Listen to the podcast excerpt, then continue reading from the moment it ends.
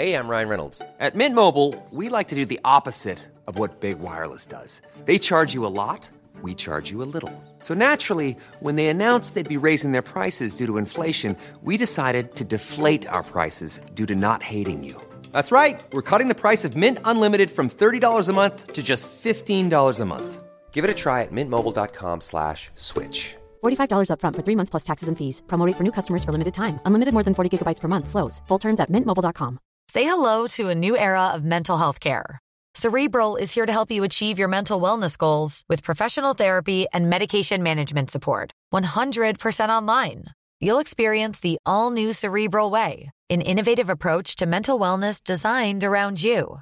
You'll get a personalized treatment plan from a therapist, prescriber, or both in a safe and judgment free space. Your cerebral therapist or prescriber will outline a customized plan with clear milestones along the way, so you can get to feeling your best. With Cerebral, you're not alone in your mental health journey. We're here to empower you to live a fulfilling life. So take that first step towards a brighter future and sign up today at cerebral.com slash podcast and use code ACAST to get 15% off your first month. Offer only valid on monthly plans. Other exclusions may apply. Offer ends July 31st, 2024. See site for details. As a person with a very deep voice, I'm hired all the time for advertising campaigns. But a deep voice doesn't sell B2B, and advertising on the wrong platform doesn't sell B2B either. That's why, if you're a B2B marketer, you should use LinkedIn ads. LinkedIn has the targeting capabilities to help you reach the world's largest professional audience. That's right, over 70 million decision makers all in one place. All the big wigs and medium wigs, also small wigs who are on the path to becoming big wigs. Okay, that's enough about wigs. LinkedIn ads allows you to focus on getting your B2B message to the right people. So, does that mean you should use ads on LinkedIn instead of hiring me, the man with the deepest voice in the world? Yes. Yes, it does. Get started today and see why LinkedIn is the place to be to be. We'll even give you a $100 credit on your next campaign. Go to linkedin.com slash results to claim your credit. That's linkedin.com slash results. Terms and conditions apply.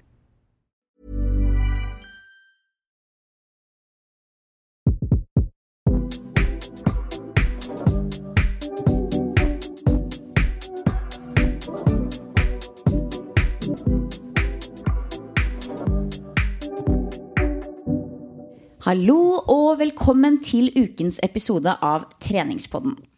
Nå i mars så har vi jo, som dere vet, hatt mye fokus på styrke. Både mental styrke og fysisk styrke.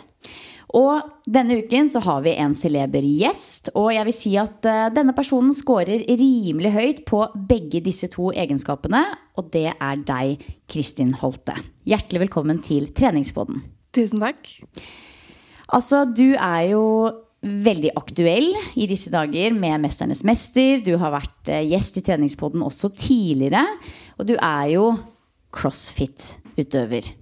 Var, i hvert fall. Var. Ja, men, Ja. Kan du ikke si at du er det fortsatt? Eh, vi kan ikke kalle meg utøver, men jeg er jo liksom crossfitter. Det kommer jeg alltid til å være. Det er den treninga du kommer til å fortsette med, tror du? Ja. Alt, alt det jeg driver med, er liksom crossfit-inspirert. Og det er en eh, kombinasjon av styrke og utholdenhet nesten uansett hva jeg gjør. Jeg vet jo at veldig mange i treningsbåten vet hvem du er. Det er jo mange som har spurt om vi kan ha deg som gjest igjen. Og mange har jo også fulgt med på Mesternes. Men hvis det skulle være noen der ute som ikke kjenner til deg, har du lyst til å ta en sånn liten introduksjon av eh, hvem du er? Jeg kan prøve. Um, Kristin Holte, blitt uh, 36 år. Har fortsatt det i eh, en uke til. en halv uke. Eh, jeg har eh, en utdannelse innenfor eh, eh, idrett og ernæring. Har en bachelor i idrettsbiologi fra Idrettshøgskolen, en mastergrad i klinisk ernæring. Eh, studerer nå kognitiv idrettspsykologi. Har vært eh, fulltids crossfit-utøver siden 2014. Um, ja, og skal snart ha baby. Så blir snart mamma. Ja, så Du har vært aktiv utøver da innen crossfit siden var det 2014. Eh, og så valgte du å legge opp i I fjor, så det er egentlig nesten akkurat et år siden. Og det er jo som Silje sier, du er jo ekstra aktuell nå fordi du var med i 'Mesternes mester' og kom ganske så langt, helt til finalen, sammen med Olav Tufte. Um, så det er jo Jeg vil tro det er mye å gjøre om dagen med litt sånn andre oppgaver enn du ellers har. Vet ikke, Hvordan er hverdagen nå? Nå har det heldigvis roa seg litt, men uh, ja, det har vært litt sånn uh, ekstra nå under 'Mesternes mester'. Um, og det er jo Altså det er, det er, to sider av det. Ekstremt hyggelig med så mange meldinger og få brev i posten av unge, unge, folk som heier på meg. Og uh, det er ekstremt hyggelig å høre liksom, at folk har begynt med crossfit fordi de har sett meg på 'Mesternes mester'. Det syns jeg er veldig gøy. Og så er det den andre siden med uh, det med liksom å være i, søk, i spotlighten, da. Med, med, journalister og sånn, som ikke er min favoritt, da. Men det hører med. Det hører jo med. Ja. Um, hvordan, hvordan er hverdagen din nå kontra når du var en aktiv utøver? Den er ganske annerledes. Ehm, jeg syns det var mye bedre å være aktiv utøver. Du syns det? For jeg, ja, nå, ja. Dette er jeg spent på å høre, for den overgangen må være ganske tøff. Som aktiv utøver så er det jo det 24 timer i døgnet, og det er det det handler om. Det er det ene målet. Og plutselig så bare Nå er det borte. Nå kan du gjøre hva du vil. Altså, kjenner, det må nesten være litt sånn rart og Jeg vet ikke, ja, Hvordan er det? Fortell. Det, sånn I starten så fant jeg nye ting som jeg på en måte skulle jobbe mot med en gang. For jeg kjente at jeg var ikke helt klar for å legge bort den derre målorienterte Kristin. da. Eh, fordi hvis jeg ikke skal jobbe mot mål, hvorfor skal jeg gidde å gjøre noe da? Det var litt sånn tankegang jeg har, og det sliter jeg nok litt med fortsatt. at det, Hvorfor skal jeg gidde å trene hvis jeg ikke skal på en måte ha et mål om å bli bedre? Og da er det sånn Nei, da kan jeg heller ligge på sofaen eller jobbe. uh, men uh, men som idrettsutøver da, så er jo en del av jobben å slappe av. Å ligge på sofaen og se på Netflix, liksom. Nå så kan jeg ikke forsvare det, fordi nå er det masse jobb og har eget firma, og det er alltid noe jeg kan gjøre mer av, da. Mm. Så der, eh, der, sliter jeg litt med å sette grenser for liksom når er det bra nok, når jeg er ferdig. Så da blir det jobb egentlig sånn 24-7, som er litt slitsomt. Uh, men det er jo, det er jo liksom, jeg jobber jo mot noen mål der også. Altså, det er jo noe av det samme, men jeg er nok litt i en sånn uh, posisjon nå, nå, hvor jeg prøver å finne ut av hva jeg egentlig skal gjøre når jeg blir stor. Mm. Du, du, det er rett og slett en liten sånn finne seg selv på en ny type greie. Og så slenger vi inn en liten baby der i tillegg. Så blir det, det blir spennende å finne ut av eh, hvor du lander. Ja, og det er jo det som jeg tror er fint nå. At nå ble jeg bare kasta inn i en helt ny hverdag eh, med en ny utfordring. Og så kommer alle de der måla og planene mine og sånt bare gå ad undas. Fordi det får man ikke til, tror jeg. Ja. Det er jo litt sånn der, en, en, livsøvelse, egentlig. En slags sånn limbo som du er i nå. Du har jo veldig mange bein å stå på i forhold til både ernæringsbiten, fysisk trenerbiten, mentaltreningsbiten, idrettspsykologi. Mm. Du har jo ekstremt mange gode, solide bein å stå på. Og det at du får baby, gir deg jo på en måte også en slags sånn space, en sånn sette på pauseknappen, sånn at du får liksom sortert litt tanker og funnet kanskje litt ut av det. Men det kan jo kanskje være fint å bare ha som mål å finne mening og ikke ha mål. ja, det er egentlig et uh, godt poeng. Um, det, det, kommer jeg nok til å slite litt med. At det bare liksom står opp, og så har jeg ikke noe mål for dagen. For det har jeg hatt i ti år. Hver eneste dag. liksom. Det her skal jeg bli bedre på i dag. Eh, men det er jo alltids muligheter å bli en bedre mor og ta litt mer vare på seg sjøl. Altså, nå skal ikke jeg sammenligne meg med Kristin Holte, men jeg kan kjenne meg litt igjen i dette her. Bare fordi jeg finner ro i å vite at jeg er på vei et sted. Mm. Og hvis man plutselig ikke skal være på vei noe sted, og bare være, da er jeg litt sånn ja ja. Og så skal vi, altså, ja, ikke sant? Jeg tror noen av oss eh, Man må finne det som funker for en. Og det er derfor jeg også jeg jobber med å finne ro i det at jeg er en sånn type som er på vei et sted. Og så kan andre si sånn Å, kan ikke du bare slappe av litt? Men det er sånn jeg slapper av når jeg gjør noe produktivt. Men du sier jo at du jobber. Hva, hva består på en måte jobbhverdagen din av nå? Det er jo som Silje sier, Du har jo masse mulighet til å gjøre hva du vil, men du har jo allerede gjort en del. Og bygget deg egentlig en, eh, en business. Hva, hva er den businessen? Det er mye online trening. Jeg har Kriger-training, som, eh, som er retta mot egentlig crossfittere og de som har lyst til å konkurrere. Uh, online treningsprogram der. Og så har også starta opp 321 Go-trening, som er da litt mer for, uh, for mannen i gata. De som har lyst til å bare komme i gang med trening. Uh, og trenger, ikke trenger noe utstyr, ikke har noe mål om å konkurrere, men bare å bli litt bedre hver dag. Eh, og så driver jeg også eh, og eh, programmerer litt for individuelle utøvere. Hjelper de både med fysisk trening, mental trening. Så har egentlig mye å gjøre. Jeg har skrevet en bok som, som jobber med promotering av den. Og så ved siden av det så prøver jeg å finne, prøve å finne ut av hva, hva som er veien videre, da. Og hvis noen har lyst til å teste ut uh, disse treningsprogrammene online, hva, hvor finner de de? Da kan de gå på krigertraining.com eller 321go.no. eh, Eller de kan også søke opp kristinholte.com. Der ligger eh, egentlig all info også. Ok, Så da vet vi litt status på, på dine prosjekter om dagen. Og så er vi veldig spent på litt sånn? Hvordan ser en typisk treningsuke ut? Den har jo sikkert sett veldig annerledes ut enn det den gjør nå. Eh, men hvordan ser treningsuka di ut nå? Åh, um, den er veldig annerledes enn den var for et år siden og et og et halvt år siden, spesielt. da. Uh, nå er det litt mer sånn Har jeg lyst, har jeg lov. har jeg tid, så går jeg og trener. Heldigvis har jeg trenings, et gym hjemme. Som gjør liksom terskelen eh, litt lavere for å sette i gang. Men tidligere så har jeg egentlig alltid trent liksom, altså Skal jeg trene, så er det i hvert fall to timer. Mens nå har jeg etter hvert akseptert at ok, får jeg en 30 minutter opp dagen, så er det faktisk bra nok. Eh, Så det er ikke en time oppvarming lenger, som det var tidligere. Eh, Det er kanskje fem minutter. Og så setter vi i gang, og så jakter jeg egentlig bare nå den gode følelsen etterpå.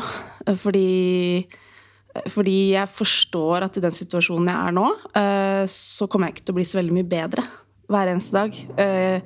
Jeg kan komme til å bli bedre igjen etter jeg har født, men akkurat nå så er det ikke det det handler om. Det er på en måte den gode følelsen og de endorfinene jeg får av å trene. Eh, Og for meg så er det litt vanskelig, for det er ikke det jeg har liksom vært ute etter i ti år. Så den overgangen der eh, kjenner jeg Det tok litt tid for å liksom akseptere at, at eh, det er det jeg faktisk trener for, da. Selv om du trener mer hjemme nå enn før, hjemmetrening, hender det at du slenger deg på en crossfit-økt eh, likevel? Det gjør sosiale? det. Ja da, jeg prøver å være på CrossFit på Wood, på CrossFit Oslo én til to ganger i uka.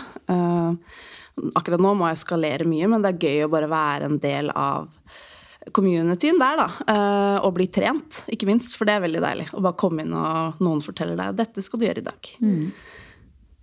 Så du tar det litt som det kommer, da, eh, med tanke på treningsuka di og hva du gjør på hvilke dager akkurat nå, ettersom det er eh, Du skal ikke si noe termindato, men det er vel litt over et par måneder igjen, eller noe sånt, eller? Ja. Ja. Det, er, eh, det er ikke så veldig lenge igjen, så det nærmer seg. Så, så jeg har ikke noe struktur på treninga nå. Det kjenner jeg irriterer meg litt. Men samtidig så er det også litt deilig, for da er det sånn Ok, i dag har jeg lyst til å gå på ski. Da går jeg på ski. I dag har jeg lyst til å kjøre fire ganger fire på sykkelen. Da gjør jeg det. Og i dag har jeg lyst til å kjøre litt styrke, så gjør jeg det. Så det er eh, ikke noe plan, egentlig. Men, men når jeg går ned i gymmet hjemme, så skriver jeg alltid opp på tavla hva jeg skal gjøre. For da er det litt sånn, da har jeg faktisk en plan, og da er det mye lettere å gjennomføre. Mm. Istedenfor at jeg bare tar det som det kommer. Men, men jeg, jeg planlegger ikke så veldig mye før jeg går ned. Og det er helt greit akkurat nå. Ja. Man skal jo være veldig raus med seg selv i tiden som gravid, men også etterpå. Så det er på en måte litt den mentaliteten man kanskje burde ha. Og det er jo veldig fint å høre deg snakke om disse tingene og overgangen over til et mer vanlig liv. Vi som dødelige mennesker har jo ekstremt stor respekt og ærefrykt for toppidrettsutøvere som deg, som får til det dere gjør. Men jeg vet ikke om du kan være enig, man får jo også en respekt for vanlige folk som får til å trene mye i en vanlig hverdag med alle de andre elementene som er. Da. Det, er liksom, eh, det gjør seg ikke sjøl. Det er som du sa selv innledningsvis, man føler jo alltid at man kunne gjort mer, og det kan man jo òg. Så man må liksom prøve å sjonglere alt dette her, da. Ja, og det har jeg tenkt mye på det siste året, egentlig. Eh, spesielt etter jeg la opp sånn Hvorfor gidder folk å trene hvis de ikke har noe mål med det? det da har jeg kjent på liksom Det, det syns jeg er veldig vanskelig. Eh, og har tenkt at eh, wow, det imponerer meg. De som gidder å legge ned det arbeidet for å på en måte bli bedre, da, uten at de har en konkurranse å trene mot. Eh, Men det har jeg fått kjent litt mer på nå, at det er jo ikke, det er jo ikke alltid det det handler om. At du skal liksom prestere i en konkurranse. Det er jo også den følelsen man får etterpå, som, som kan gi eh, veldig mye. Da. Veldig mye glede, de endorfinene. Man føler seg bedre. Eh, det gjør rett og slett hverdagen litt bedre. Du har jo svart til dels på det, men sånn, hvordan var overgangen fra proff utøver til vanlig menneske? Føles hverdagen tom? Har den føltes tom ut på noe tidspunkt? Jeg tror ikke jeg helt har rukket å kjenne på den tomheten. Uh, den har jeg liksom dytta litt foran meg hele veien. Fordi uh, 'Mesternes mester' kom, uh, og så har jeg vært med utøvere på, på, både semifinale og på CrossFit Games. Så på en måte har vært en del av det. Og så ble jeg gravid, og så har det kommet en nye ting. Så jeg, jeg, jeg har ikke helt landa etter jeg la opp. Så jeg, jeg gruer meg egentlig litt til den den kommer, den tomheten. Fordi jeg tror den kommer til å komme. Mm.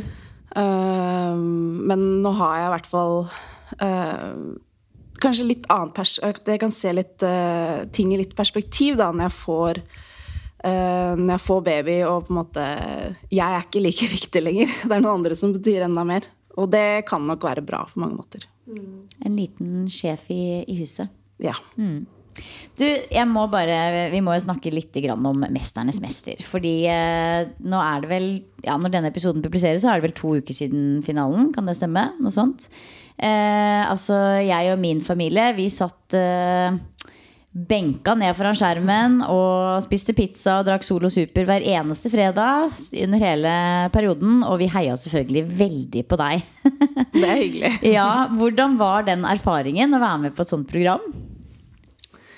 Det var eh, litt skummelt. Eh, spesielt jeg var, jeg var ikke sånn Når jeg ble spurt, så tenkte jeg sånn Er det lov å si nei? Fordi det er kjempeskummelt. Å liksom skulle hoppe ut i noe sånn mot, uh, mot andre toppidrettsutøvere som har vært mine forbilder, liksom, som jeg bare har sett på TV, stort sett. Um, men så tenkte jeg altså herregud, det er jo en stor ære å bli spurt. Uh, og få lov til å være med. Få lov til å vise frem CrossFit Functional Fitness. Så, så, jeg hadde jo ikke noe valg. Um, og angrer jo ikke et sekund på det. Um, å få lov til å sitte der og diskutere, dele historier sammen med de andre utøverne, var et minne for livet. Som jeg er veldig glad for at jeg har fått lov til å oppleve. Mm. Det er jo også Jeg er sikker på at veldig mange som liker 'Mesternes mester' veldig godt og ser på det som et underholdningsprogram, også liksom har fått seg en eye-opener i forhold til crossfit. Og at det på en måte har blitt satt litt mer på kartet. Fordi det er jo noe som mange vet hva er, men samtidig veldig mange ikke vet hva er. Eh, har du noen formening om, eller har du, har du, noen tanker om at det kanskje er blitt enda mer populært etter eh, at du har eh, vist frem skillsa på TV? Eh, jeg håper jo det, ja. selvfølgelig. Eh, og jeg har fått eh, ganske mange meldinger av folk som både yngre og eldre som har begynt å trene crossfit fordi de har sett meg på 'Mesternes mester'. Og det varmer jo hjertet veldig, fordi det var det som var målet, å på en måte få vist frem litt hva vi som crossfittere kan. At det, er, det handler ikke om bodybuilding, det handler ikke om utseende, det handler om prestasjon. Og liksom hva du kan få til med kroppen din. Da. Og, og sånn sett så så syns jeg det er veldig gøy at eh, flere har fått øynene opp for det. At det, det både er en treningsform, men også en konkurranseform. da. Hvor, altså, du sa, nevnte jo selv at du var nervøs før du gikk inn i dette her, noe jeg forstår så sinnssykt godt. Men samtidig, vi som vet litt hva crossfit, crossfit handler om Jeg tenkte jo inni meg at herregud, dette her nailer Kristin. Altså, det her er jo det hun driver med. Å gjøre alle disse forskjellige tingene og elementene. Mens andre utøvere er kanskje eh, noen av de i hvert fall eh, mer spesialisert. Eh, kjente du deg ganske raskt relativt trygg på egne ferdigheter, eller var du oppriktig spent og litt sånn usikker på hvordan det skulle lande? Jeg var ganske trygg på alle de fysiske oppgavene. Um, hvis det var, kom noe tung eh, ball eller løping eller eh, noe som krevde at man liksom pusha hardt fysisk, så var jeg ganske sikker på at jeg kom til å gjøre det ganske bra. Uh, men så var det det statiske, som aldri egentlig har trent noe særlig på. Uh, og så er det jo litt de der øvelsene som det er litt flakselement inni. Som å kaste ertepose og og sånne ting. Og telle. Uh, som jeg var veldig usikker på hvordan jeg kom til å håndtere. Mm. Det var flere ganger jeg satt og så på 'Mesterens mester' at han Dave Castro Nå er det ikke han som programmerer lenger, men han, han kunne la seg inspirere litt av 'Mesternes mester'. Få på noen erteposer og noe regning og noe greier og noe greier. Ja, det er, det er jo mye av det samme, og sånn, på den måten så hadde jeg jo en fordel, fordi jeg er vant til å forberede meg på det ukjente. Og det var akkurat det samme som vi gjorde her. Uh, og det er nok ikke så uh, så kjent for de andre utøverne. De vet akkurat hva de skal gjøre til enhver tid. Mm. Uh, og de er vant til å gjøre én ting, stort sett. De fleste av de. Så, så, det at jeg har vært innom såpass mange ulike ting, uh, og fått kjent på det med å forberede meg på noe jeg ikke vet hva er, det hadde jeg nok en fordel av. Mm, og da er man jo litt også inne på det mentale, som du skriver eh, en god del om i den nye boka di, eh, som er superinteressant. Jeg føler at De siste åra har man jo fått øynene opp i veldig stor grad for eh, det mentale og viktigheten av det når man skal prestere. Eh, følte du at du var et lite hestehode foran de andre når det kom til å jobbe med hodet mentalt før du skulle prestere? Nei, det vil jeg ikke si, fordi alle de der er eh, De har toppidrettshoder. Så de vet hva det vil si å prestere sitt aller, aller beste når det virkelig gjelder. Og det var jeg litt sånn overraska over hvordan noen av de som har la opp for eh, 10-15-20 år siden, klarte liksom å skru på det hodet igjen. da. Mm. Bare sånn 3, 2, 1, go, og så skrudde de på. Det var der. Så det, der følte jeg ikke at jeg hadde så stort forsprang som kanskje på noen av de fysiske delene. Fordi at eh, de har jobba mot å bli best eh, nesten hele livet de også. Så det, mye av det er der. Mm. Uh, men det var nok akkurat det på å forberede seg på det ukjente som, uh, som jeg også kanskje noen av de andre hadde en liten fordel av. Mm. Er det noen fysiske øvelser som du ser tilbake på som liksom favoritten? Hva var det beste, og hva var det verste? Klarer du å huske tilbake på det? Jeg uh, er jo veldig glad i løping, da. så jeg likte jo den 5000-meteren på lag veldig godt. Den, det syns jeg var veldig gøy. Det var samtidig en av de verste øvelsene for det pusha så ekstremt hardt. Eh, men tyngdekraften, å gå med de sandsekkene, eh, det var kanskje den verste mentalt sett. Fordi der Jeg kjente jo på at folk forventa at det her skulle jeg gjøre det bra i. Olaf trodde jo at jeg skulle gå 100 lengder, som han. Uh, og, og når jeg da kjente at etter 20 lengder, når jeg liksom hadde fått på alle vektene Jeg klarte nesten ikke å gå. Så begynte kampen da, eh, med meg sjøl om ok, én lengde, da. Og så tar vi én til. Og sånn holdt jeg på da i nesten 40 lengder. Og den indre kampen der, den, det var veldig slitsomt. For jeg hadde så lyst til å gi meg. Så tidlig. Eh, akkurat den der, den, det er jo alltid en veldig sånn spennende del av 'Mesternes' når den der kommer på. Men jeg, hver gang så er jeg så livredd for at noen skal bare kollapse og knekke noe. Det ser så farlig ut å liksom kollapse med så mye vekt eh, på toppen. Men det går alltid bra, det. ja. Det er ikke så langt ned i bakken. Nei, det er jo for så vidt ikke det for din del. Nei. Og så får du hjelp eh, med en gang du, du setter deg ned, da. Ja. Eh, men det, jeg var nok ikke helt forberedt på hvor tungt det faktisk var. Og så ubehagelig. Altså, mm. de der sekkene kom i veien, de var mellom beina. Det var skikkelig vondt i nakken. Um, og det, jeg hadde jo tenkt gjennom det, men jeg hadde ikke tenkt at det var så ille. Så, så den tok jeg nok litt for lett på. Hva var liksom skumlest av å være i CrossFit Games mot liksom Tia Claire Tumio-gjengen, eller Mesternes mester, som da er litt nærere, TV-kameraer, flere ukjente elementer? Kan vi, liksom, kan vi sammenligne de to på noen måte? Det er litt av det samme på flere måter. Jeg synes jo egentlig det er ikke noe, altså Når jeg først er i det, så syns jeg ikke det er så skummelt. For da handler det om uh, meg mot meg. Altså jeg må vinne over meg sjøl. Og det er det det også handler om i CrossFit Games. Uh, jeg får på en måte ikke gjort noe med hva de andre gjør. Så, så det jeg er mest redd for, er jo å skuffe meg sjøl. Uh, eh, og det gjaldt litt også nå på, på 'Mesternes mester', spesielt sånn som den tyngdekraften, hvor jeg kjente at det, jeg kan gå en lengde til, men jeg har ikke lyst. Uh, men da kan jeg velge liksom, Vil jeg kjenne på den følelsen at jeg ga absolutt alt når jeg er ferdig? Eller vil jeg kjenne på den vonde følelsen at ah, jeg kunne ha gått noen lengder til, men jeg ga opp. Mm. Den så ganske tøff ut, den Er det Kronidioten den heter? Kron? Ja. Kron. Kronidioten. Kronidioten. Over og under hinder. Kristin uh, var ganske rå der. Ja, det, det, er jo en sånn økt som passer meg. Mm. Eh, eller øvelse som passer meg. Fordi jeg er veldig glad i type sånn hinderløyper og sånn, så det, det minner meg litt om det. Og så var det sju minutter. Eh, det er en eh, tid som er Vi bruker mye i crossfit rundt, rundt den tida der. Og så handler det om liksom å holde oppe tempo hvor How bad do you want it in the mm. end? Mm. så, så det var en gøy øvelse. Har du noen gang uh, skuffa deg selv, da? Altså Kan du huske tilbake på en eller flere situasjoner der du har vært sånn Nå, ja, nå ble jeg skuffa av meg sjøl. For det føler jeg når jeg ser deg og leser boka, at det er sånn, det skjer aldri, Kristin. Jo da. Ja. Det skjer ganske okay, ofte. Det, det er litt godt å høre det òg. uh, men oftest så er det sånn altså jeg, kan, jeg tror hver eneste økt hvor jeg virkelig er ute av komfortsonen, så kjenner jeg på underveis uh, den der eh, ambivalensen. Skal jeg pushe, eller skal jeg gi meg?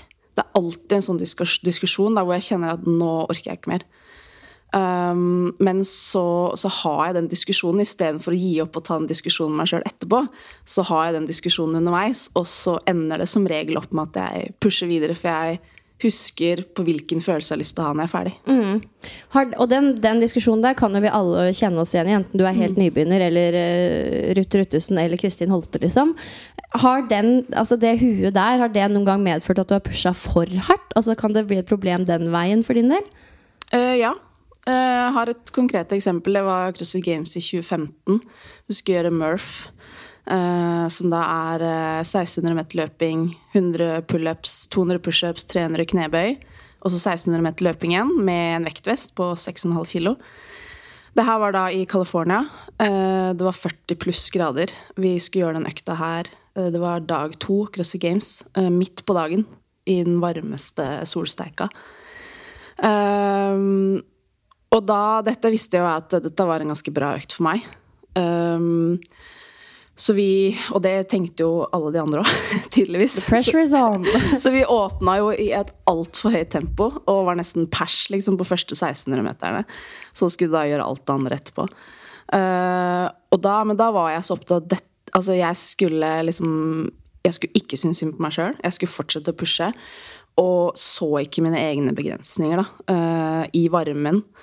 Um, så jeg pusha så hardt at når jeg kom inn på da var det 80 meter igjen. Siste lengden, liksom. Så tenkte jeg jeg tror faktisk ikke jeg klarer å komme over målstreken. For jeg er helt ferdig. Uh, og når jeg kom over målstreken, så klarte jeg ikke å stå på beina. Eh, og hadde pusha det altfor hardt uh, i den varmen. Uh, idiotisk. Og det ødela for resten av CrossFit Games det året. Og det var vel flere, det husker jeg, det var vel flere som lå som fluer etter den økta der? Det var det. Vi var nesten ti stykker på, på medical etterpå som ikke klarte å stå på beina. Men da gikk vel arrangøren litt i seg selv også, tror jeg. Altså Man så vel at dette var kanskje til dels uforsvarlig. Og De gjorde det, og de tok kritikk på det, og, og det ble endringer året etterpå. Vi fikk lov til å gjøre den igjen året etterpå. hurra! Da- Sa alle utøverne da. Men da var det litt, eh, litt tidligere på dagen og litt andre forhold, så det, det var jo bra sånn sett. Men lærte av det, da. At det, det finnes begrensninger her også. Herregud. Altså, det her, Kristin, du er et så inspirerende menneske. Dette er så, det er så moro å prate med deg. Og det er klart, vi måtte jo sjekke innom med lytterne før vi skulle spille inn. eh, eh, høre hva de lurte på. Og da er det jo gjerne noen tematikker som går igjen. Det er litt mer om kosthold, også det mentale. Og så må vi en tur innom dette med graviditeten, fødsel og mammalivet. Hva du tenker der. Eh, men når det kommer til kosthold, da, eh, så eh, følger man jo gjerne et ish opplegg når man er utøver, og kanskje det endrer seg når man har lagt opp. Hvordan har det vært for deg?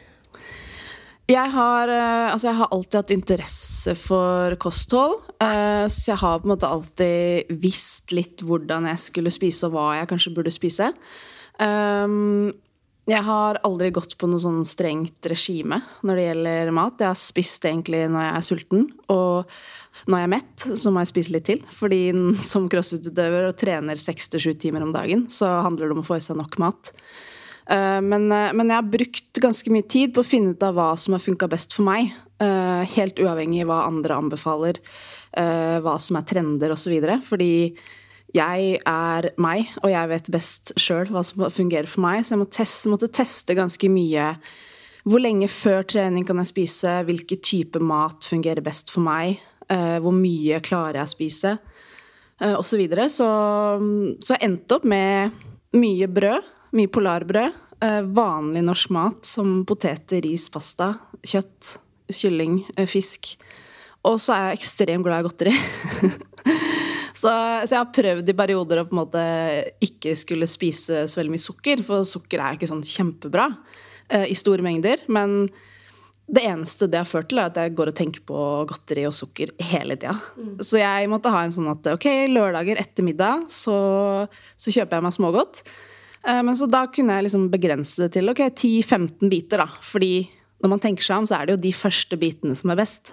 Så hvis jeg da kjøper en pose, eh, og vi deler aldri, jeg og samboeren, vi har hver vår pose, så da vet jeg at dette er mitt, det er hans. Når jeg har spist opp, så er, det liksom, så er jeg fornøyd. Altså Det kan jeg kjenne meg sånn. Det å dele smågodtposer, eller bare å dele en middag ute, da blir jeg sånn Ja, åssen skal vi gjøre dette her? Skal vi det, altså, ja, Nei. Det er best å ha hver sin bolle. Eh, hvordan ser en typisk matdag ut for deg nå, da? Bare sånn raskt igjennom fra Altså, Fasting, for eksempel, er jo veldig i vinden. Er det noe du har testa, eller noe du har noen tanker om? Og eller hvordan ser en typisk matdag ut for deg nå? Ikke testa fasting. Ikke noe for meg. Eh, Jeg blir gretten hvis jeg ikke får spise når jeg er sulten.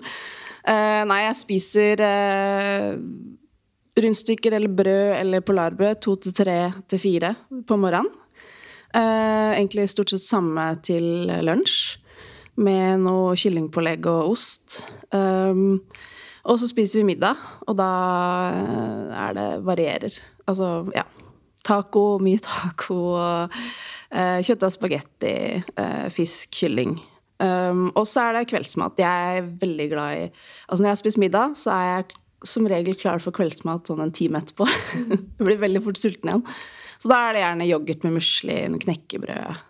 Ja, litt sånn. Det er, skal innrømme det er litt mer sukker nå enn det var når jeg, um, når jeg satsa. Mm, fordi jeg er veldig glad i sukker. Ja, fordi du bare tenker at du tillater deg det, på en måte? Ja. Kjempebra. Men ja, mitt inntrykk er også dette med faste, som Pia var inne på, at det er liksom ikke så populært i crossfit-miljøet. Kan det stemme? Nei, da, altså Det er jo Jeg tror altså Når det gjelder kosthold, tror jeg det er veldig individuelt. Og du må finne ut av hva som funker for deg. For noen så kan de gå på lavkarbo og prestere kjempebra med høy intensitet. Jeg testa det på skolen en gang. Jeg hadde ikke sjans til å løpe liksom, opp motbakker, for jeg fikk så mye syre i beina. Eh, Så, så finn ut av hva som funker for deg. Men altså, i crossfit så det er ofte veldig ofte trening med høy intensitet, og da trenger man karbohydrater ganske jevnlig. Um, så, um, så jeg tror jo ikke det er optimalt hvis man skal prestere på høyt nivå, men for noen så kanskje det funker kjempebra med faste. Så det er litt sånn opp til hver og en. Ja, Men det er et så viktig poeng at man fortsetter å lytte til den indre stemmen og informasjonen man får fra kroppen. Jeg føler at det blir litt borte, spesielt for oss vanlige folk, kanskje, fordi vi lytter jo til autoritetene som gir oss råd, og så glemmer man eh, og, å liksom mm, lytte til hva som funker for en, og hva man føler seg best på. Da. Og det høres ut som det, det er jo der du virkelig har lagt ned jobben, for å lære av kroppens signaler, og dermed finne din eh, ikke perfekt vei, ingenting er perfekt, men en, et kosthold som funker, da. Eh, siste om kosthold fra gjengen eh, er litt rundt dette med kosttilskudd. Brukte du noe av det når du var utøver? Gjør du det nå? Hva er dine tanker rundt det? Og hva, i så fall? Eh, nå så tar jeg bare noe omega-3 og noen vitaminer. Um, jeg har testa litt forskjellig opp gjennom uh, min karriere. Uh, brukt en del proteinpulver fordi det har vært lett etter trening. Men de siste åra gikk jeg over til Yt eller sjokolademelk, Litago, og banan, fordi det funka kjempebra rett etter trening og smaker mye bedre. Um, så jeg har testa litt, prøvd litt kreatin. Uh, veldig lite av sånn har jeg følt fungert veldig bra for meg. Så, så jeg gikk tilbake til det enkle, ofte beste. Uh, og ble veldig mye sterkere uten bruk av kreatin. Så da tenkte jeg at ok, da funker det sikkert ikke for meg. Eller det er ikke nødvendig for meg å ta, i hvert fall. Så det samme her. Altså det er uh, Finne ut hva som, uh, hva som funker for deg. Hva gjør at du uh, blir sterkere, klarer å prestere i det du har lyst til å prestere i. Uh, og, så, og så har jeg jo gått til legen sånn innimellom og sjekka at vitaminer, mineraler, alt sånn er innafor referanseområdene, som er viktig når du er toppidrettsutøver. Fordi det, liksom, det kan stå på de små detaljene. Og det er veldig akkurat det med, med tilskudd. Det virker som folk er veldig sånn opptatt av å liksom finne et svar på det. Jeg fikk også senest eh, melding fra en i helgen som lurte på hva slags eh, kosttilskudd jeg tar. Og det er, liksom, det er jo helt uinteressant egentlig hva andre folk gjør. Man må jo gjøre det som passer for seg. Og det er jo helt idiotisk å begynne å ta en hel masse ting når det ikke er behov for det. Nei, og der er jo igjen, da altså, Jeg tror mange ønsker bare den enkle løsninga. At det bare fortell meg hva jeg skal gjøre. Ja, så gjør fordi det. hun ser ut som hun lykkes med det hun driver med, så da kan sikkert jeg bare ta de tilskudda hun tar, og så blir livet perfekt. Sånn er det jo ikke. Men akkurat keratin syns jeg er litt vrien, Fordi nå er det jo veldig mye som tyder på at det er hensiktsmessig på mange ulike måter. Så jeg er sånn, ja ja, da tar jeg det, liksom. Men det er jo vanskelig å måle liksom, om det, den isolerte tingen man gjør, funker eller ikke. Så det blir jo en litt sånn subjektiv opplevelse hvor placebo også spiller inn. Altså, det er vanskelig å vite, da. Det er veldig vanskelig å vite. Og der er det jo liksom, altså Placebo er jo den beste medisinen. Så hvis du har skikkelig trua på at det her funker for deg, og det gjør at du kanskje klarer å ta ut litt ekstra på trening, enten det er fordi du tror det, eller du faktisk gjør det, det vet man jo ikke, men det vil jo ha en prestasjonsøkende effekt. Så, så placebo, kjempebra. Men jeg tror det er liksom Ikke ta noe bare fordi at det er noe som anbefaler, eller sjekk litt ut. Hvordan er proteininntaket ditt fra før? Er det mest sannsynlig nødvendig at man øker det? Les litt om hva kreatin gjør. Er det nødvendig for deg i det du har lyst til å bli bedre i? Ja, da kanskje tester du det ut, da. Og så kjenner du litt på Skriv litt dagbok. Føles det bedre? Ok, ja, kanskje det funker for deg. Mm. Kjenner du ikke noe forskjell? Nei, da er det ikke noe vits å bruke penger på det. Absolutt. Gjøre en liten jobb med det òg, og, og spørre innover, rett og slett. Nydelig. Vi skal hoppe litt over til det mentale. Og det første spørsmålet, jeg vet ikke om du kan svare på det der hvor du er i ditt liv akkurat nå, Kristin. Hvordan motivere seg til trening over tid uten spesifikke mål? Ja, det snakka jo litt om i stad, da. Ja. At uh, all creds til de som gidder det, orker det.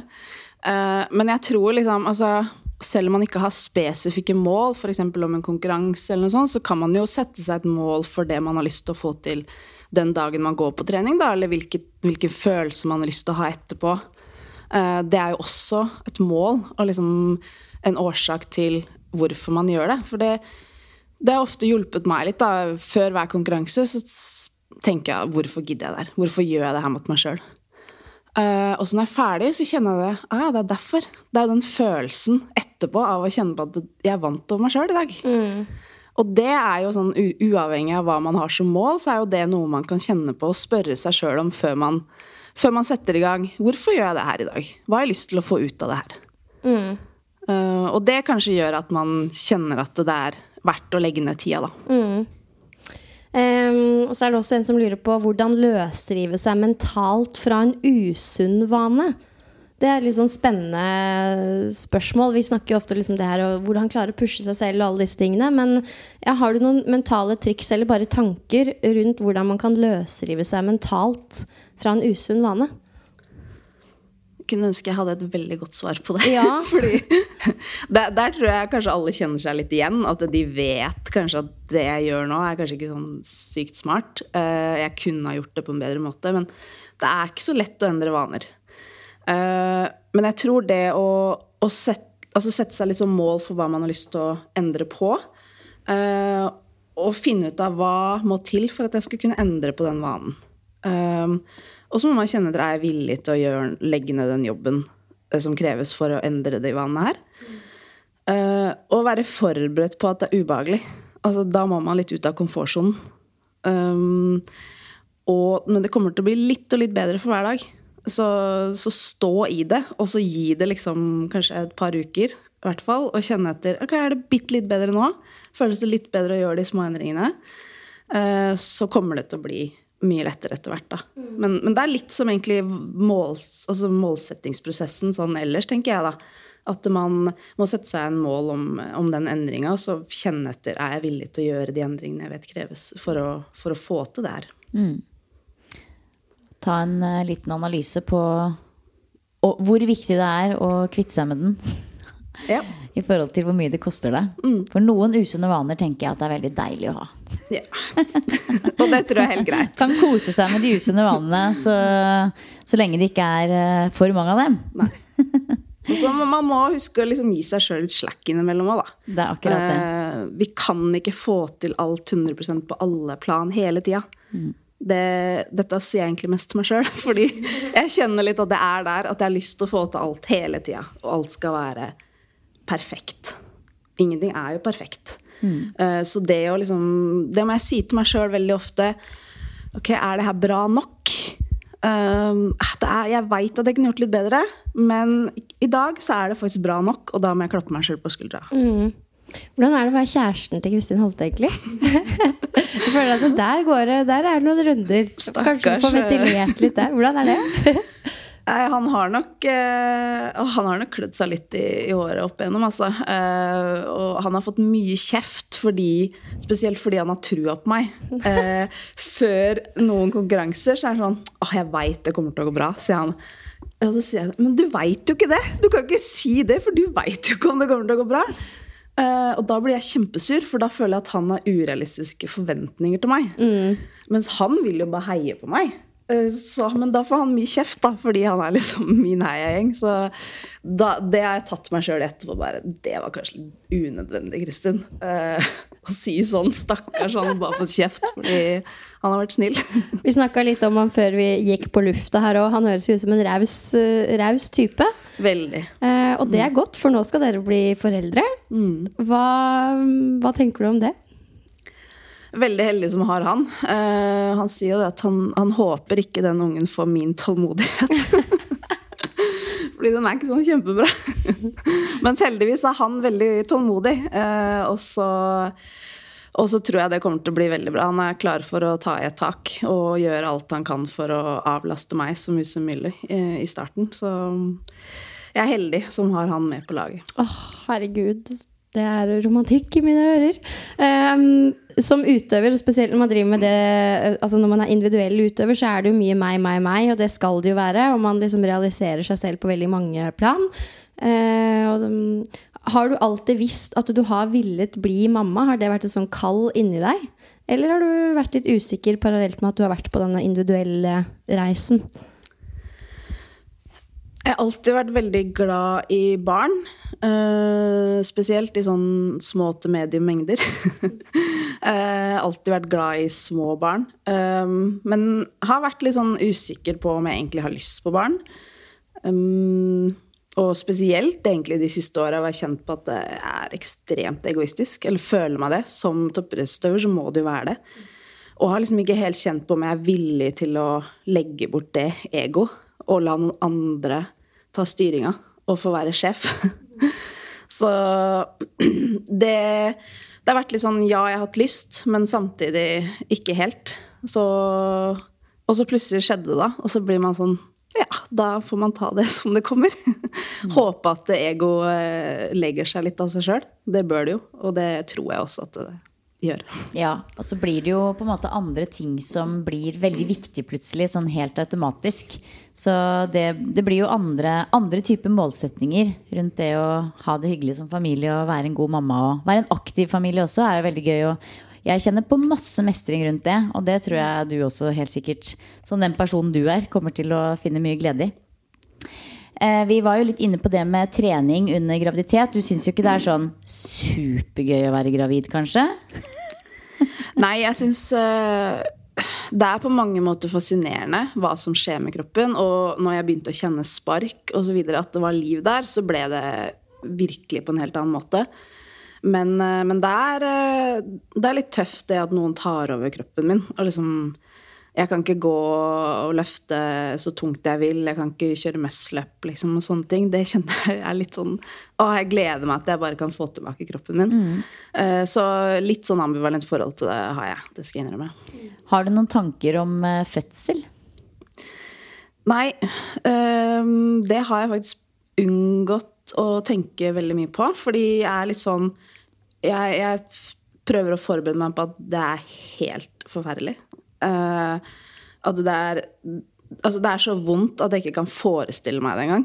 Uh, og da tenker jeg at hvis jeg forventer det, så blir det sikkert mye verre også. Men da, da er liksom Det er ikke så veldig mye mer å forvente. Føler jeg, da, fordi jeg må Det er litt som en crossfit-økt. Uh, bare i en annen skala. Men eh, du må liksom gå inn og være forberedt på at det, det ukjente. da. Jeg aner ikke hva jeg går til. Eh, men jeg vet at det kommer til å bli tøft, og da må jeg ha litt sånn verktøy. Så jeg har jo pusten og litt sånn mentale teknikker som jeg kan ta med meg, og så håpe at det hjelper. I noen grad, i hvert fall. Bruke mentale teknikker for alt det er verdt. Det er jo i hvert fall det å liksom gi slipp for sånne kontrollfriker som oss. det var veldig viktig for meg under min fødsel. At det var bare å Her er det bare å gi slipp på kontrollen. Her er det andre som er profesjonelle som kan det de driver med. Nå lar jeg dere fortelle meg hva jeg skal gjøre, og så prøver jeg etter beste evne å gjøre det. Ja, og jeg tenker det er så mange som har gjort det før. Ja. Så det, er, det må jo være mulig å få det til. Uh, og så vet jeg, har jeg også hørt at uh, alle fødsler er forskjellige. Så, så jeg har ikke liksom satt meg så veldig inn i eller vært så veldig nysgjerrig på hvordan andre har hatt det. fordi da kanskje jeg lager meg en forventning på hva jeg skal forvente også. Så jeg tar det heller litt som det kommer, jeg. Og så får vi se åssen det går. Har du noen tanker om eh, opptrening etter fødsel, da? Jeg tenker at jeg skal være tålmodig, i hvert fall. Um, prøve, prøve å bruke den lille tålmodigheten jeg har, til å, til å la kroppen eh, få den tida den trenger til å restituere. Eh, jeg skal ikke tilbake til noe konkurranse sånn med det første. Så, så jeg skal eh, igjen lytte til kroppen og på en måte la den få styre litt når jeg begynner, og hva jeg gjør. Eh, Det er egentlig samme som nå jeg har gjort i graviditeten. At jeg gjør det som føles bra, og så dropper jeg det som ikke føles helt topp. Har du noen uh, tanker eller spørsmål om graviditet og fødsel og Nei, jeg bare syns det er utrolig spennende å høre. Jeg, jeg hyller den, eller hyller Jeg husker at når jeg skulle føde, så tenkte jeg inni meg at jeg kunne ønske jord, jordmoren forberedte meg på hvor ekstremt dette faktisk eh, kunne være. Eh, for da hadde jeg liksom Jeg har vært litt mer forberedt på nettopp det, da. Men altså, fødsel kan gå alle veier. Du har jo snakka med de som var sånn Oi, dette var ikke så ille, jeg gleder meg til å gjøre det igjen. Så jeg sånn Ja, good for you. så kan gå alle veier. Det kan gå alle veier. Altså jeg husker jeg tvang mannen min til å sitte ned og se på sånn føde, fødeserie på TV i perioden frem mot fødsel. Så jeg liksom visste ok, det kommer til å komme en morkake ut, epidural ser sånn ut. Og alle er forberedt, liksom. Vi er veldig sånn begge to super uh, pysete på alt som har med sånn sprøyter og sykehus og blod og Så vi var helt avhengig av å være meget godt mentalt forberedt. Er du sånn at du vil prøve å gjøre det uten smertestillende, eller er du helt sånn der jeg stoler på de som kan det? Nei, jeg, eh, jeg gidder ikke å ha mer vondt enn jeg må.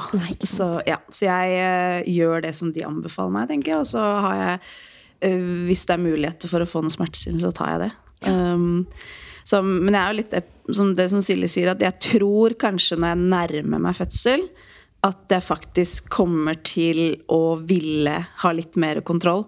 Eh, men frem til nå så har det vært såpass lenge til at jeg har på en måte ikke tenkt over det. Men jeg tror nok, når du snakker om det nå, at jeg kan se for meg de siste ukene at jeg kommer til å liksom gjøre alt jeg kan for å forberede meg så godt som mulig. Men, eh, men med den tanken om at det er ikke sikkert eh, det skjer på noen av disse måtene som jeg har tenkt meg. Eh, og det er jo Da må du forberede deg på det ukjente også, da. Et tips som Katarina Flatland ga i sin podkast, og dette kommer ikke fra meg, men jeg tenkte at hvis jeg skal ha et barn til, så skal jeg gjøre det. Uh, og det var at hun ba om at uh, epiduralen, altså alt ble lagt opp til det, lenge før riene kom. For det er ganske ille å måtte sitte stille der og få den epiduralen inn. Eh, og heller være litt i forkant og få den på plass. Sånn at når det begynner å dra seg til, så kan de bare trykke på den knappen. Men da må man sikkert jobbe fram det litt. Da. Men hun var sånn Det var skikkelig lurt av meg. Og da tenkte jeg ja. Det hørtes lurt ut. For jeg satt jo der og dirra og skreik og skulle ha en nål langt inn i ryggmargen. Og det er jo litt øh, skrekken. Ja, det er den ene positive tingen med tvillingfødsel, at det er prosedyrefødsel. Det er liksom, alt er lagt opp. Du kommer inn, og da er det sånn, sånn, sånn og sånn. De følger en prosedyre.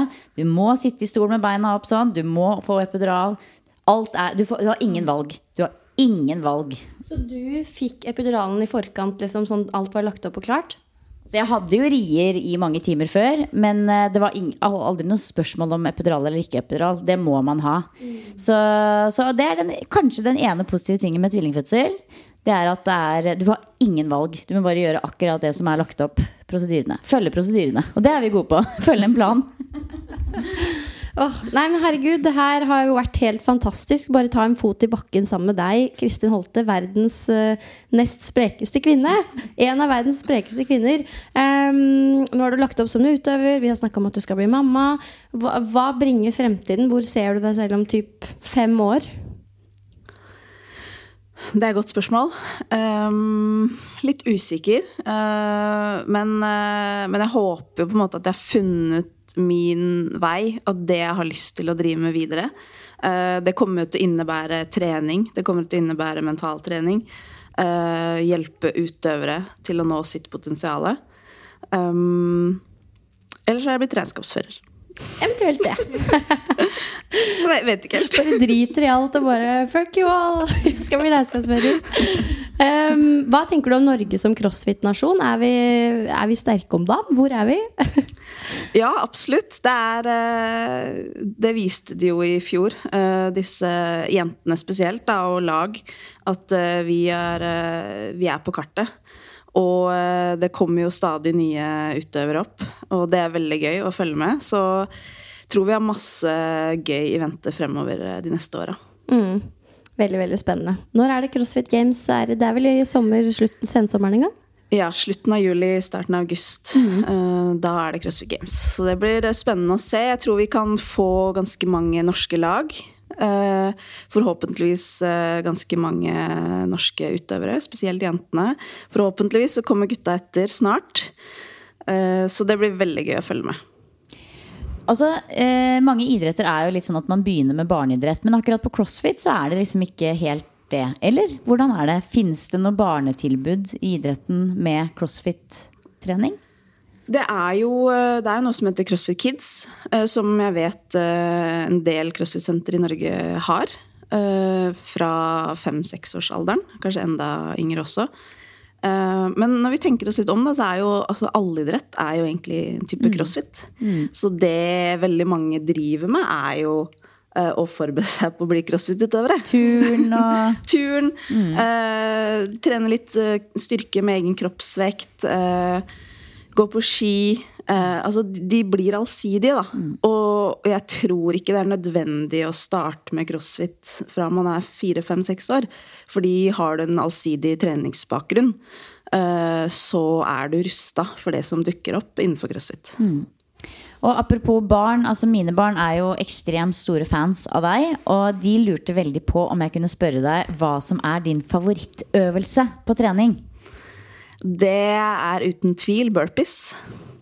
Min absolutte favorittøvelse. Det er, det er, så fint, fordi du kan alltid legge deg ned, og så klarer du som regel alltid å reise deg opp igjen. Og da har du gjort en burpee. det er liksom ikke noe unnskyldning for å roe ned. Det er bare det som skjer inni hodet. Og det, det er jo litt tungt. Ja, Så burpee, altså. Den er jo Det er gøy. Og har du en favorittøkt? Jeg har mange, mange favorittøkter. Um, men eh, en økt som innebærer da både burpees, uh, løping, gjerne litt sånn gymnastikk, gå på henda, uh, kanskje noe muscle-ups i ringer. Um, og så kan det godt være noe, uh, noe knebøy involvert, da. Mm. Så litt lang. Gjerne sånn 20-30-40 minutter økt. Kanskje skal ta noe sånt i helgen familieøkt. ja, Murph, Murph, er jo et godt eksempel der, da. Eh, som man kan skalere også til sitt nivå. Men da får man liksom løping. Pullups eller ring rows kan man gjøre. Litt pushups, knebøy. Og så litt løping igjen. Mm. Bare legge til noen burpees der, så blir det bra. Og litt sånn eh, ego-spørsmål ego fra meg her, og sikkert veldig mange andre også som lurer på det samme. Hva er ditt beste tips når man skal lære seg muscle up? Muscle up, eh, hvis vi sier ringer, da. Mm først, det du først må tenke på, er er jeg sterk nok? Altså, Er jeg sterk nok til å dra meg selv opp i ringene i en pullup? Er jeg sterk nok til å gjøre en dipp i ringene? Uh, hvis nei, så er det det man må begynne med. Og så jobbe litt med transisjonen fra liksom pullupen til dippen. Uh, hvis ja, så kan man begynne å jobbe med teknikken, da. Men der er det Det føles nok som om man er ekstremt langt unna veldig lenge. Fordi at Eh, man må liksom ha styrken, og så må man ha teknikken der. Men plutselig en dag så sitter den. Og da er jo alt verdt det. Så det å legge ned det grunnarbeidet, som er litt kjedelig, men å gjøre mye drag, mye press, eh, bruke en del tid i ringene, både på statiske øvelser og dynamiske. Um, og gjerne også se på uh, YouTube eller få noen til å hjelpe deg, sånn at man forstår hvordan man skal gjøre en muscle-up. Ja. Det er veldig mange bitte, bitte små tips som eh, hjelper utrolig mye. Så ja. Det var veldig gode tips. Mm. Ja, jeg kommer etter. Jeg håper at jeg kan øh, møte en på gymmet og som bare gir meg noen sånne verdifulle tips, og så sitter han. Er det noe, er det noe sånn at hvis du klarer å se så mange uh, i ringer, så så mange dips, så er det stor sannsynlighet for at man har en muscle-up inne? Kan du si noe om det? Altså, det har, har det jo sikkert vært uh, forska på litt, men uh, det er jo noen som har sagt liksom sånn Ok, du burde klare fem strikt pullups, fem strikt ringdips. Uh, men det kommer helt an på, ikke Ja. sant. Uh, men vi har også gjort noen sånn veldig low-key studier på det med um, strikt pullups med vekt, og også benkpress. Smal benkpress. Så vi har sett da at man bør faktisk trene eh, smal eh, benk og, og kunne ha en 5 RM der som tilsvarer ca. kroppsvekt. Eh, også at man kan gjøre en, eh, en strikt pullup med opp mot 20% av egen kroppsvekt. Da er liksom sjansen for at man får til ring muscle-upen større. Fordi at da er man sterk nok. Eh, for det er veldig kjedelig når man tenker seg om, å, å komme opp i ringene, lande i en dipp-posisjon, og så er man ikke sterk nok til å gjøre dippen. Det er litt sånn ah, ja. Da må vi liksom begynne på nytt. Du, du må ha styrken der. Det jeg husker jeg også tenkte veldig på når jeg trente litt på det, er at eh, det er veldig forskjell på å liksom trekke meg opp til haka, og at disse ringene skal reise helt ned til liksom armhulen. Det var sånn Oi, her må jeg jobbe med eksplosivitet og rett og slett eh, ja, mer styrke og bevegelse i øvelsen. da Så eh, ja. Nei, men Silje, du er godt i gang, og dette nailer du snart. Ja da. Vi, jeg tror ikke det er snart, men jeg gir meg selv Jeg tipper seks måneder. Nå var jeg i Trondheim i helgen og snakka med ei som heter Trude der, som kaller seg Muscle Up Trude på Instagram. Og er, hun har Norges, vært norgesmester i calisthenics og er helt rå. Hun brukte syv måneder, og jeg tenker når hun brukte syv måneder, da, da kan jeg gi meg selv et år.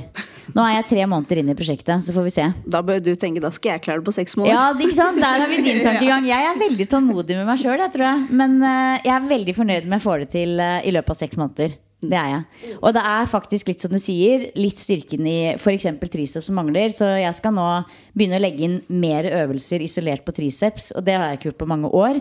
Men jeg merker at det er, det er der det skorter litt, faktisk. Mm. Så veldig gode tips. For de spesielt interesserte. altså, vet du hva? Det her har vært en så utrolig fin og interessant prat. Altså, som Pia sier, du er eh, et ekstremt inspirerende vesen. Det å være så rå mentalt og fysisk sterk, det er eh, Ja, det er virkelig vi hyller det, og vi lar oss inspirere. Og vi gleder oss veldig til å se hva dine din neste greie blir. Og nå er jo det å bli mamma det er jo kanskje verdens største greie, egentlig. Nesten livet litt før og etter. Men eh, det blir spennende å følge med på deg også i fremtiden. Mm. Så tusen, tusen, tusen takk, Kristin, for at du tok deg tid til treningspodden. Vi vet du er superbusy, så takk. Tusen takk for at jeg fikk komme. Veldig hyggelig. Da håper jeg dere som lytter har fått en eh, fin liten inspirasjonsboost inn i uka, og så poddes vi neste uke.